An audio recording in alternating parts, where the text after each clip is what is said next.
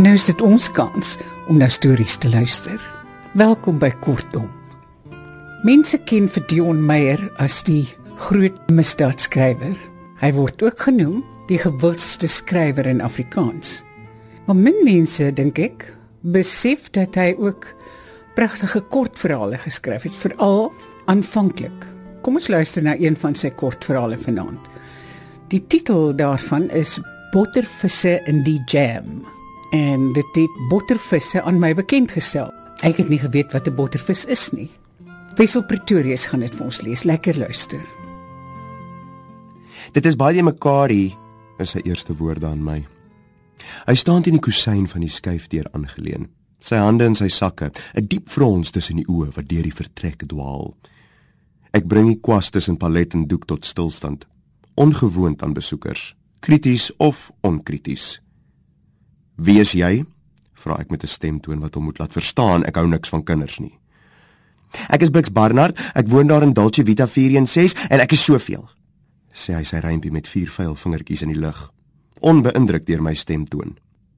Hy stap die vertrek binne, hande weer in die sakke, oë wat ongewaste koffiebekers, verfblikke en buise, kwaste, voltooide en halfvoltooide skilderye en potloodsketse op die tafels en vloer ondersoek. Wat is jou naam? Vra hy reguit. Wat is oom se naam? My ma sê as hy 'n broer gehad het, sou ek 'n oom gehad het. Touché.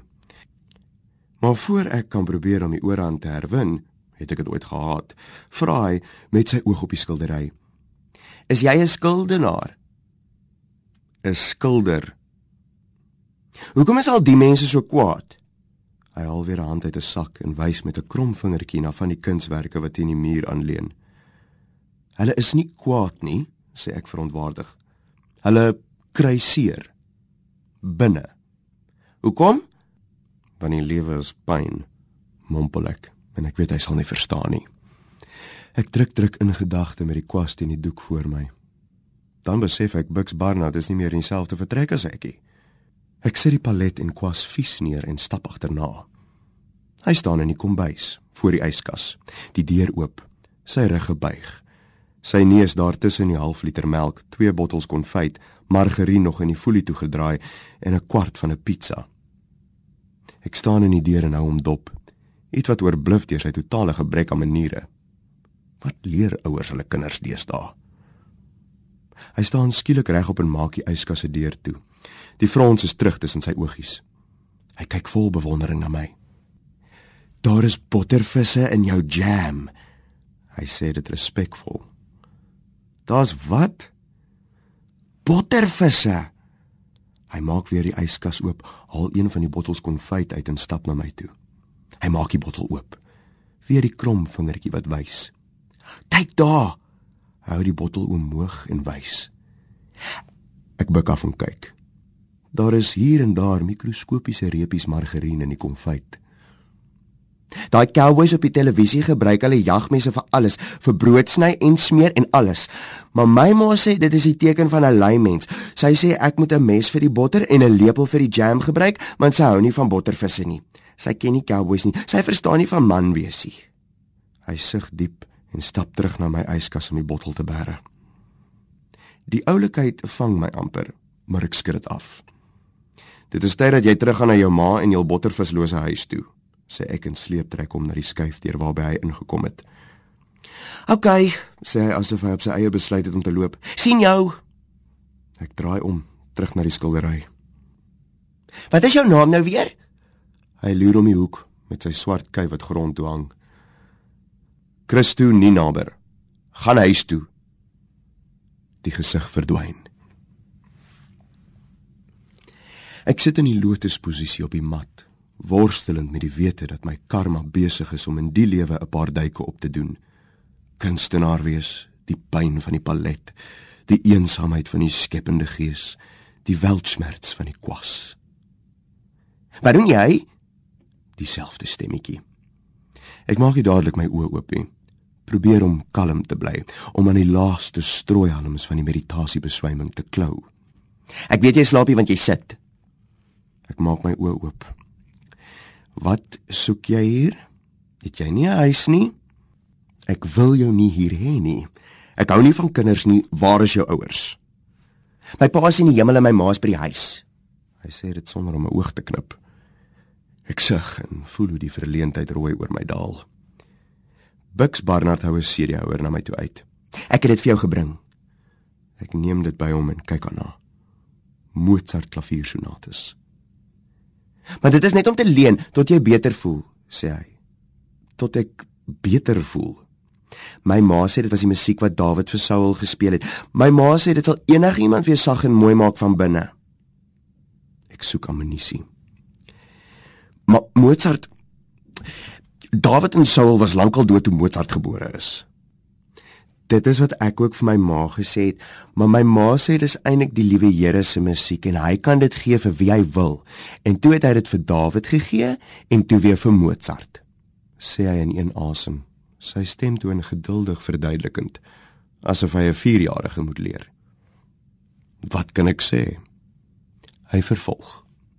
Dit moet waar wees want my ma is baie slim, 'n rekenmeesteres. Sy maak somme elke dag Kan as jy musiek opsit, ek wil kyk of dit werk. Ek is nie heeltemal ongevoelig vir die oulik faktor van kinders, klein hondjies en eentjies nie. Die probleem is dat in al drie gevalle hulle groot word en na die metamorfose al die oulikheid verloor. Die enigste manier om jouself daarteen te beskerm is om hulle van meet af aan soos die finale produk te behandel. Nee, ons kan nie die musiek opsit nie. Ek staan op, gee die CD terug en neem weer sy hand jy en Mozart moet huis toe. Ons stap in stilte na die voorste skuifdeur waar hy weer met 'n "Oké, sien jou" groet. "Nee," begin ek. "Jy gaan my nie weer sien." Ek word onderbreek deur die klokhelder stem wat na hom roep. "Bucks." Twee soete lettergrepe, halwe note, E en C. "Bucks." Dan kom sy om die hoek van die meentuis langs myne en sê: Daar's jy. Vir wie pla jy vandag? Ek is jammer meneer, hy's 'n regte agie. Sy is hier by my. Sy steek haar hand uit. Ek sien Bux het sy swart hare en sy donker oë by haar gekry. Monica Barnard, sê sy. En ek skakel af sodat ek nie die musiek, die heuning, die speserye in haar stem kan hoor nie. Ek neem haar hand. Christonie naber dan los ek dit weer. Die skilder, vra sy amper hoopvol. Ek is verbaas. Mense vergeet so gou. Ja. Kom kyk hier, sê sy en neem my hand, trek my in 'n rigting. Ek is te verstom om te te stribbel. Maar nou weet ek waar Bux Barnard sy gebruik aan maniere gekry het. Ons is 'n optog. Sy voor, die lokomotief wat my onwillige vrag waar voortsleep en die kind en die CD dek die agterhoede om die hoeke van nog twee huise tot by nommer 416 in by die deur waar Monica Barnard gaan staan en na die muur wys. "Kyk," sê sy trots en los my hand. "Dit is een van my skilderye." Was goed vrou uit my pre-Christine periode. Weet jy, elke keer wanneer ek moeg of lui of blou raak, dan kom kyk ek na haar. Kyk die lewe in haar oë, daardie mond wat so lekker lag, die hande wat net reg vat, die son wat teen die balie blink. Dit is hoe 'n mens alles in die lewe moet doen met vreugde. Het jy dit geteken? Vra Buk skepties. Geskilder my kind, sê sy ma en trek 'n hand deur sy hare. Lank gelede, sê ek en mompel iets van lekker om dit te ontmoet en stap uit 'n bangbroek 'n vlugteling hy kom die volgende middag weer ongenooid maar hy sê niks. Hy kom net in met 'n tas in die hand gaan sit op die vloer maak dit oop haal 'n gekrekelde vel wit papier en inkleurpotloode uit. Dan begin hy teken. Ek ignoreer hom konsentreer op my eie werk. Man met kruk Net nou en dan loer ek in sy rigting. Hy byt sy tong vas, frons in konsentrasie. Die vingers nog onbehendig met die inkleurpotlode. Minute word 'n halfuur, langer.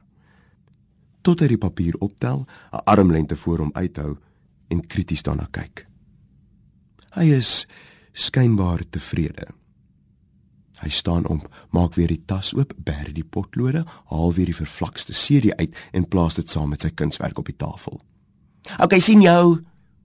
En hy is tas in die hand by die deur uit. Ek stap versigtig nader, skuif die Mozart sonates weg en kyk na die reënboogkleure en ongedissiplineerde strepe wat 'n menslike gesig vorm. Kort, blonde hare, blonde baard, 'n kwas in die hand. En ek weet dit is vir my wat Bux Barnard geteken het. Behalwe een ding wat glad nie pas nie. Die glimlag is tamaai groot tussen die kenbaard en snor van oor tot oor. Die tande ingeryg soos mieliepitte.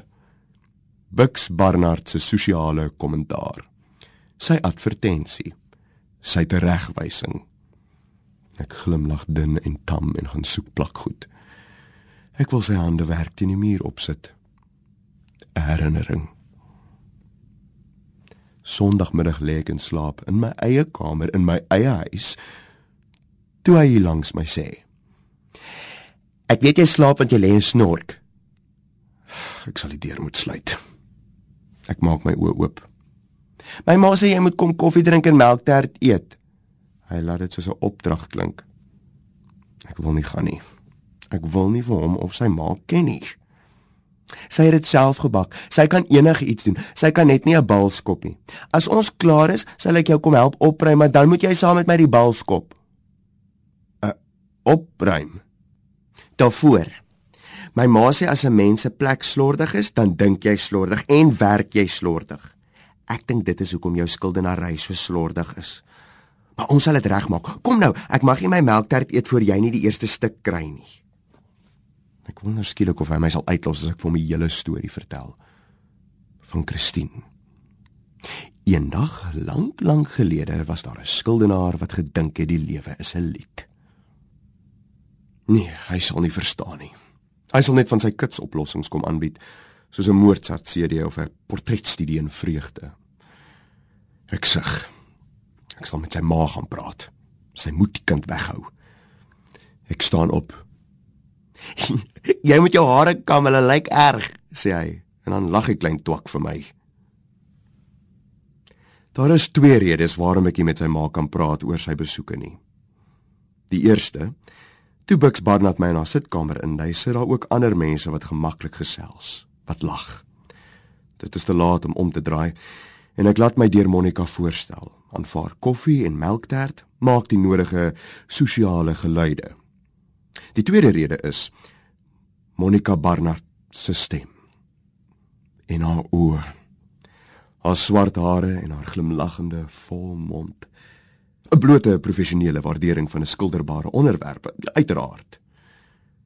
Ek verskoon myself so gou as wat sosiaal aanvaarbaar is en stap terug na my meentuis toe. Ek kry Bux in my voorkamer ateljee besig om reg te pak. Ek het so lank begin want anders gaan dit donker word en dan kan ons nie bal skoppie. Eienaardig hoe mense soms 'n klein besluit moet neem oor die alledaagse, oor die stoffelike en hoe dit dan kan uitkring om uiteindelik jou hele lewe te verander. Op daardie oomblik moet ek kies. Ek kan kies om hom uit te jaag, die huis te verbied, permanent te verban. So kan ek in my pyn weer alleen wees, soos verliefdes mekaar vertroetel. Of ek kan die ateljee, die chaos wat ek gelate aanvaar, saam met hom regpak. Eindelik is dit sy besige lyfie wat doelgerig op en af stap in swaar blikke, rame en skilderye met inspanning en gepofte wangetjies dra sleep. Sy bereidheid om self op te offer voor hy sy beloning kry wat my laat besluit. Sonder om 'n woord te sê, begin ek die rommel op die groot tafel teen die muur bymekaar maak. So baie nuttelose gemors wat 'n mens met jou saamdra. Toe ons in die sterk skemer met die bal speel, is sy genot soos 'n lig. Hy babbel en hy hardloop en skop en gooi en lag dat sy oogies toetrek en die kuiltjies in sy wange diep plooi. Ek stap saam met hom in die donker na sy huis, waar ek hom by die deur afsien. Maar ek sien vir Monica agter die oop plan kombuistoonbank met 'n voorskoot en 'n blos op haar wange en 'n houtlepel in haar hand. Ek hoor die musiek wat speel, die klok van haar stem wat saam met die note lui. Ek sien Bix inhardloop en haar druk. Sy buig af en soen hom. Hulle lag. Ek stap deur die donker na my huis, skakel die ligte aan, kry die Mozart sonates in die CD-speler, 'n skoon doek op die esel en begin skilder. In die somber lig van die skemer speel 'n seentjie met 'n bal. Sy vreugde 'n vlam in die vroeg aand. Millie sê groot mense doen twee goed as hulle uitgaan. Hy sit op die skoontafel en sy bene swaai beurtelings terwyl hy my werk krities dophou. Ek werk nie bedags aan seën met bal nie, want hy kan enige oomblik instap. Ek is besig met fietsryer. Wie is Millie? Hy is ook by die kleuterskool. Sy regte naam is Emil, maar almal noem hom Millie.